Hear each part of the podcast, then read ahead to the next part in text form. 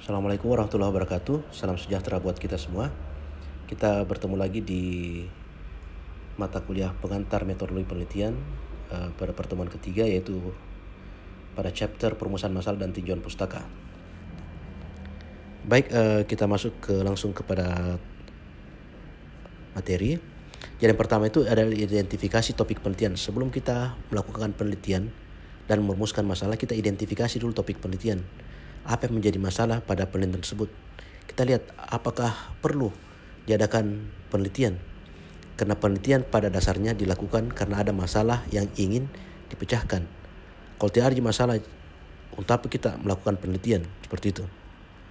Jadi ide awal atau starting point dari adanya penelitian adalah karena adanya permasalahan yang ingin diselesaikan.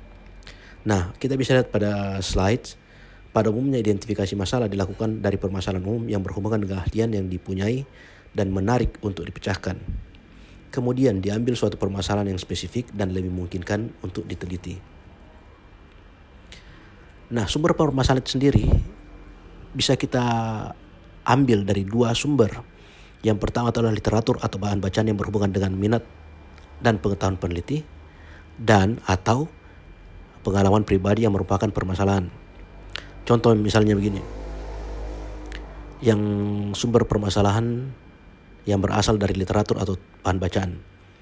Selama ini secara teori dikatakan jika seorang dinaikkan gajinya maka akan termotivasi. Nah, dari situ kita lihat orang yang dinaikkan gajinya akan termotivasi untuk bekerja atau orang yang tinggi gajinya adalah lebih produktif dalam bekerja. Ternyata berdasarkan teori seperti itu itu tidak sesuai dengan uh, kenyataan yang ada di lapangan. Banyak orang tinggi gajinya tapi kerjanya tidak tambah bagus, tidak tambah produktif. Banyak misalnya anggota de dewan yang digaji tinggi-tinggi tapi kerjanya cuma tidur. Itu kan berarti ada masalah. Kenapa? Secara teori dikatakan seperti ini tapi hasilnya itu. Itu kan berbeda antara apa yang diinginkan dengan apa yang uh, menjadi kenyataan. Di sisi lain, ada juga namanya sumber permasalahan yang berdasarkan dari pengalaman pribadi. Nah misalnya kau selama ini kau naik motor, kenapa ada masalah? Kenapa cepat habis bensin motorku ini?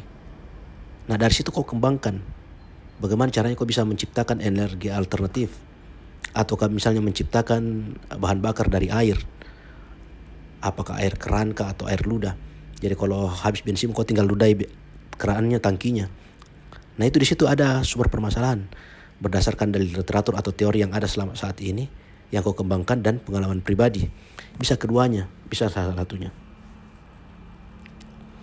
Terus selanjutnya adalah identifikasi. Identifikasi masalah, permasalahan yang diturunkan dari teori membawa berapa banyak keuntungan. Yaitu pertama, peneliti sudah mempelajari teori aplikasi yang terkait untuk menjawab persoalan yang ada. Jadi teorinya, orang kalau gajinya tinggi, pasti bagus kerjanya. Tapi kenapa tidak? Nah ini kan sudah ada teorinya itu kalau kau uh, mengambil identifikasi masalah yang diturunkan dari teori. Terus yang kedua, formulasi hipotesis. Hipotesis adalah dugaan sementara. Pada umumnya akan menjadi mudah dan jelas karena mempunyai hubungan yang erat dengan teori. Teori mengatakan semakin tinggi gajinya seseorang, semakin bagus kinerjanya. Jadi bisa kau simpulkan kau memberikan hipotesis dugaan sementara. Orang yang bagus gajinya, tinggi gajinya, bagus tong uh, kinerjanya adugan sebentar seperti itu. Terus yang ketiga, hasil penelitian akan memberikan kontribusi terhadap teori yang dijadikan dasar untuk perumusan masalah. Yang jelas, jadi kontribusi teori yang selama ini misalnya cuma satu tingkat, kok dengan temuanmu, temuan penelitianmu, kok bisa menjadikan ini teori ini dua tingkat. Kau memberikan hasanah baru, warna baru terhadap teori ini, sehingga kau mengembangkan teori ini. Terus karakteristik permasalahan di sini ada beberapa karakteristik. Yang pertama itu peneliti sebaiknya memiliki keahlian dalam bidang tersebut. Jangan kau ahli ekonomi kau tiba-tiba kau teliti tentang uh, teknik mesin atau kau orang teknik terlihat tiba-tiba teliti tentang bagaimana uh, apa uh, vaksin COVID. Jadi kau sebaiknya fokus dengan bidang keahlianmu. Kalau kau ahli di bidang manajemen, fokus ke masalah di bidang manajemen jangan kau ke mana-mana jangan kau jadi MSI master segala ilmu. Fokus kau di bidangmu sendiri, keahlianmu sendiri. Terus yang kedua, tingkat kemampuan peneliti sesuai dengan tingkat kemampuan diperlukan untuk memecahkan permasalahan yang ada. Nah ini saya selalu analogikan dengan kalau kau sabu putih, teliti tahu masalah yang sabu putih. Kalau kau sudah merasa naik-naik di sabuk coklat, iya, kasih naik-naik juga tingkat penelitianmu. Di sabuk coklat kau mulai bermain. Kalau kau sudah sabuk hitam, cari kau permasalahan yang kira-kira membutuhkan kemampuan seorang yang memiliki latar belakang sabuk hitam. Jangan kau kos anak sabuk putih, kau mau teliti permasalahan sabuk hitam. Di sini kita berbicara tentang kemampuan mengetahui diri sendiri, mengenali diri, memantaskan diri, iseng yalenu, iseng kalian Bagaimana kau bisa tahu, oh ini saya bisa selesaikan. Kalau itu kau tidak uh, sesuai dengan kemampuanmu.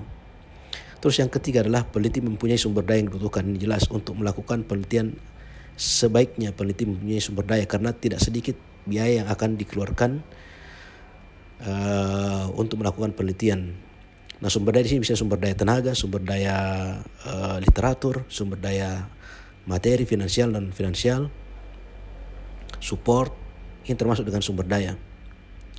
Terus selanjutnya adalah peneliti telah mempertimbangkan kendala waktu, dana, dan berbagai kendala lain dalam pelaksanaan penelitian akan dilakukan. Jadi kalau sudah dilakukan ini bisa berapa lama dilakukan penelitian ini. Misalnya kau mau jadi sarjana, kau kan akan meneliti 1 sampai 2 semester tapi kalau penelitianmu sampai makan 10 semester ya jamu kau pakai penelitian itu karena tidak masuk akal. Karena kau berburu dengan waktu. Kalau kau lewat dari tujuh tahun kau akan di DO. Jadi kau cari penelitian yang kira-kira masuk akal dan bisa kau lakukan dalam waktu 1 sampai 2 semester. Nah, hal yang perlu dipertimbangkan dalam penentuan permasalahan adalah pertama kegunaan penelitian. Penelitian hanya dilakukan untuk penyelesaian masalah yang punya manfaat lebih besar daripada biayanya. Yang jelas kita sebagai orang ekonomi kita harus rasional dalam memilih. Ah, namanya rational choice. Tidak mungkin kita memilih sesuatu yang memiliki uh, biaya yang lebih besar sementara manfaatnya lebih kecil. Itu tidak ekonomis namanya. Sementara ilmu ekonomi dibangun atas dasar keterbatasan sumber daya yang kita miliki. Kalau tidak terbatas jadi sumber daya, tidak perlu jian kita batasi. Kita seenaknya saja menggunakan sumber daya. Terus yang kedua adalah prioritas. Tidak semua permasalahan perlu diteliti pada saat yang bersamaan. Yang perlu dilakukan adalah menyusun prioritas berdasarkan tingkat kepentingannya. Yang mana lebih penting? Kalau saya meneliti A, penting, ya cukup penting. Kalau B, sangat penting. Kalau C, penting, penting, penting sekali ya. Jadi ada ada prioritas di sini. Yang mana kira-kira kau harus lakukan? Kamu harus uh, dahulukan dalam meneliti.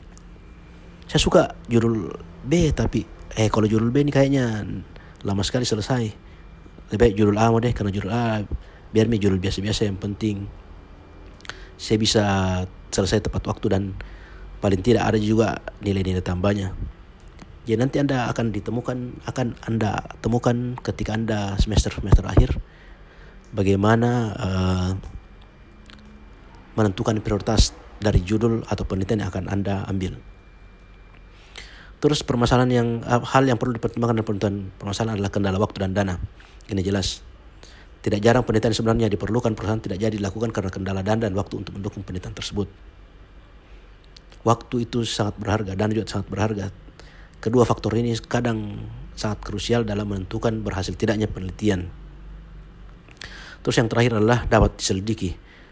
Ada dua hal yang ada hubungannya dapat dan tidaknya suatu permasalahan untuk diselidiki yaitu yang pertama masalah tersebut secara teoritis tidak dapat diselidiki atau belum terdapat teori dasar untuk penyelidikan sehingga baru pada saat nanti ada kemungkinan penyelidikan. Jadi masih ada kemungkinan.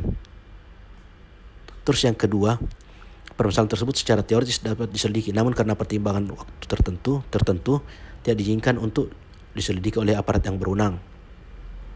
Nah ini karena mungkin uh, isu atau topik penelitian atau judul yang diteliti sensitif, mungkin uh, menyangkut keamanan negara, rahasia negara, atau isu korupsi misalnya. Uh, saya punya teman waktu di Australia hampir dibunuh karena dia meneliti uh, penelitian S3 tentang perilaku korupsi di Vietnam. Dia orang Vietnam. Jadi dia banyak dapat ancaman pembunuhan dari mafia-mafia di sana. Bagaimana perilaku korupsi di pegawai negeri. Nah, hal ini mungkin bisa mempengaruhi uh, bagaimana kita menentukan judul penelitian tak. Terus yang terakhir adalah yang perlu dipertimbangkan dalam penelitian permasalahan adalah kemampuan peneliti. Nah, ketertarikan permasalahan, permasalahan dan kemudian melakukan penelitian bukan melulu langkah yang bijaksana. Ada beberapa hal yang perlu dipertimbangkan, yaitu kendala waktu dan anggaran, tersedianya data, dan tingkat keahlian. Tadi saya sudah sampaikan, kok sabu putih kau mau uh, langsung kau tendangan putar sabu hitam kau mau teliti. Ya, bertahap. Sesuaikan dengan kemampuan. Kira-kira ukur dirimu, oh saya bisanya men, uh, meneliti sampai di sini. Oh di sini mau. Oh saya masih bisa paksa diriku. Naik-naik sedikit, sabu kuning mau ya bisa naik sedikit lagi sabuk coklat misalnya nah dari situ kau bisa uh, eksplorasi oh sampai di sini kemampuanku dan tidak ada yang bisa lebih mengetahui siapa dirimu ukur dirimu kecuali kau sendiri nah tinjauan pustaka atau survei literatur nah sebelum kita biasa menentukan masalah kita mencari tahu dulu orang di teori bilang apa sih tentang topik ini Nah, tahap ini dikatakan biasa dengan tinjauan pustaka atau literatur review atau survei literatur. Langkah ini meliputi identifikasi, lokasi, dan analisis dan dokumen yang berisi informasi yang berhubungan dengan permasalahan penelitian yang secara sistematis. Dokumen-dokumen ini bisa meliputi jurnal abstrak, tinjauan, buku, data statistik, dan laporan penelitian yang relevan. Terus karakter yang permasalahan yang baik adalah menunjukkan variabel yang menarik, peneliti dan hubungan deskriptif. Di mana permasalahan secara sederhana diungkapkan dalam suatu pertanyaan yang harus dijawab. Akan tapi bagian terpenting dari suatu penelitian adalah hubungan antar variabel. Ada kausal. Bagaimana pengaruh antara variabel ini dengan ini. Terus yang kedua, menyusun definisi dari semua variabel yang relevan baik secara langsung maupun operasional. Definisi operasional ini harus jelas dan spesifik sehingga tidak menimbulkan perbedaan penafsiran yang pada akhirnya akan mengganggu penelitian. Misal kita meneliti tentang uh, pengaruh tingkat gaji terhadap produktivitas anggota dewan di Sulawesi Selatan. Nah, ini harus kita jelaskan apa yang dimaksud dengan gaji di sini, gaji apa yang dimaksud di sini.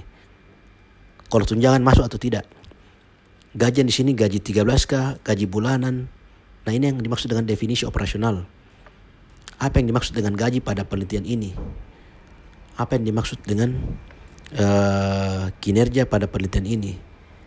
Terus anggota dewan, anggota dewan mana di Sulawesi Selatan? Ada berapa banyak kabupaten kota di Sulawesi Selatan? Mungkin harus spesifik sehingga bisa menjelaskan uh, siapa menjadi sasaran dari penelitian ini tidak ujuk-ujuk kau teliti Maros tiba-tiba muncul nanti di laporan anggota Dewan Selayar. Tidak seperti itu. Jadi ada ada ada definisi yang terukur, sistematis, tajam dan spesifik dari variabel atau objek-objek yang akan diteliti sehingga tidak akan membingungkan baik Anda sebagai seorang peneliti dan si pembaca yang akan baca laporan dari hasil penelitian ini.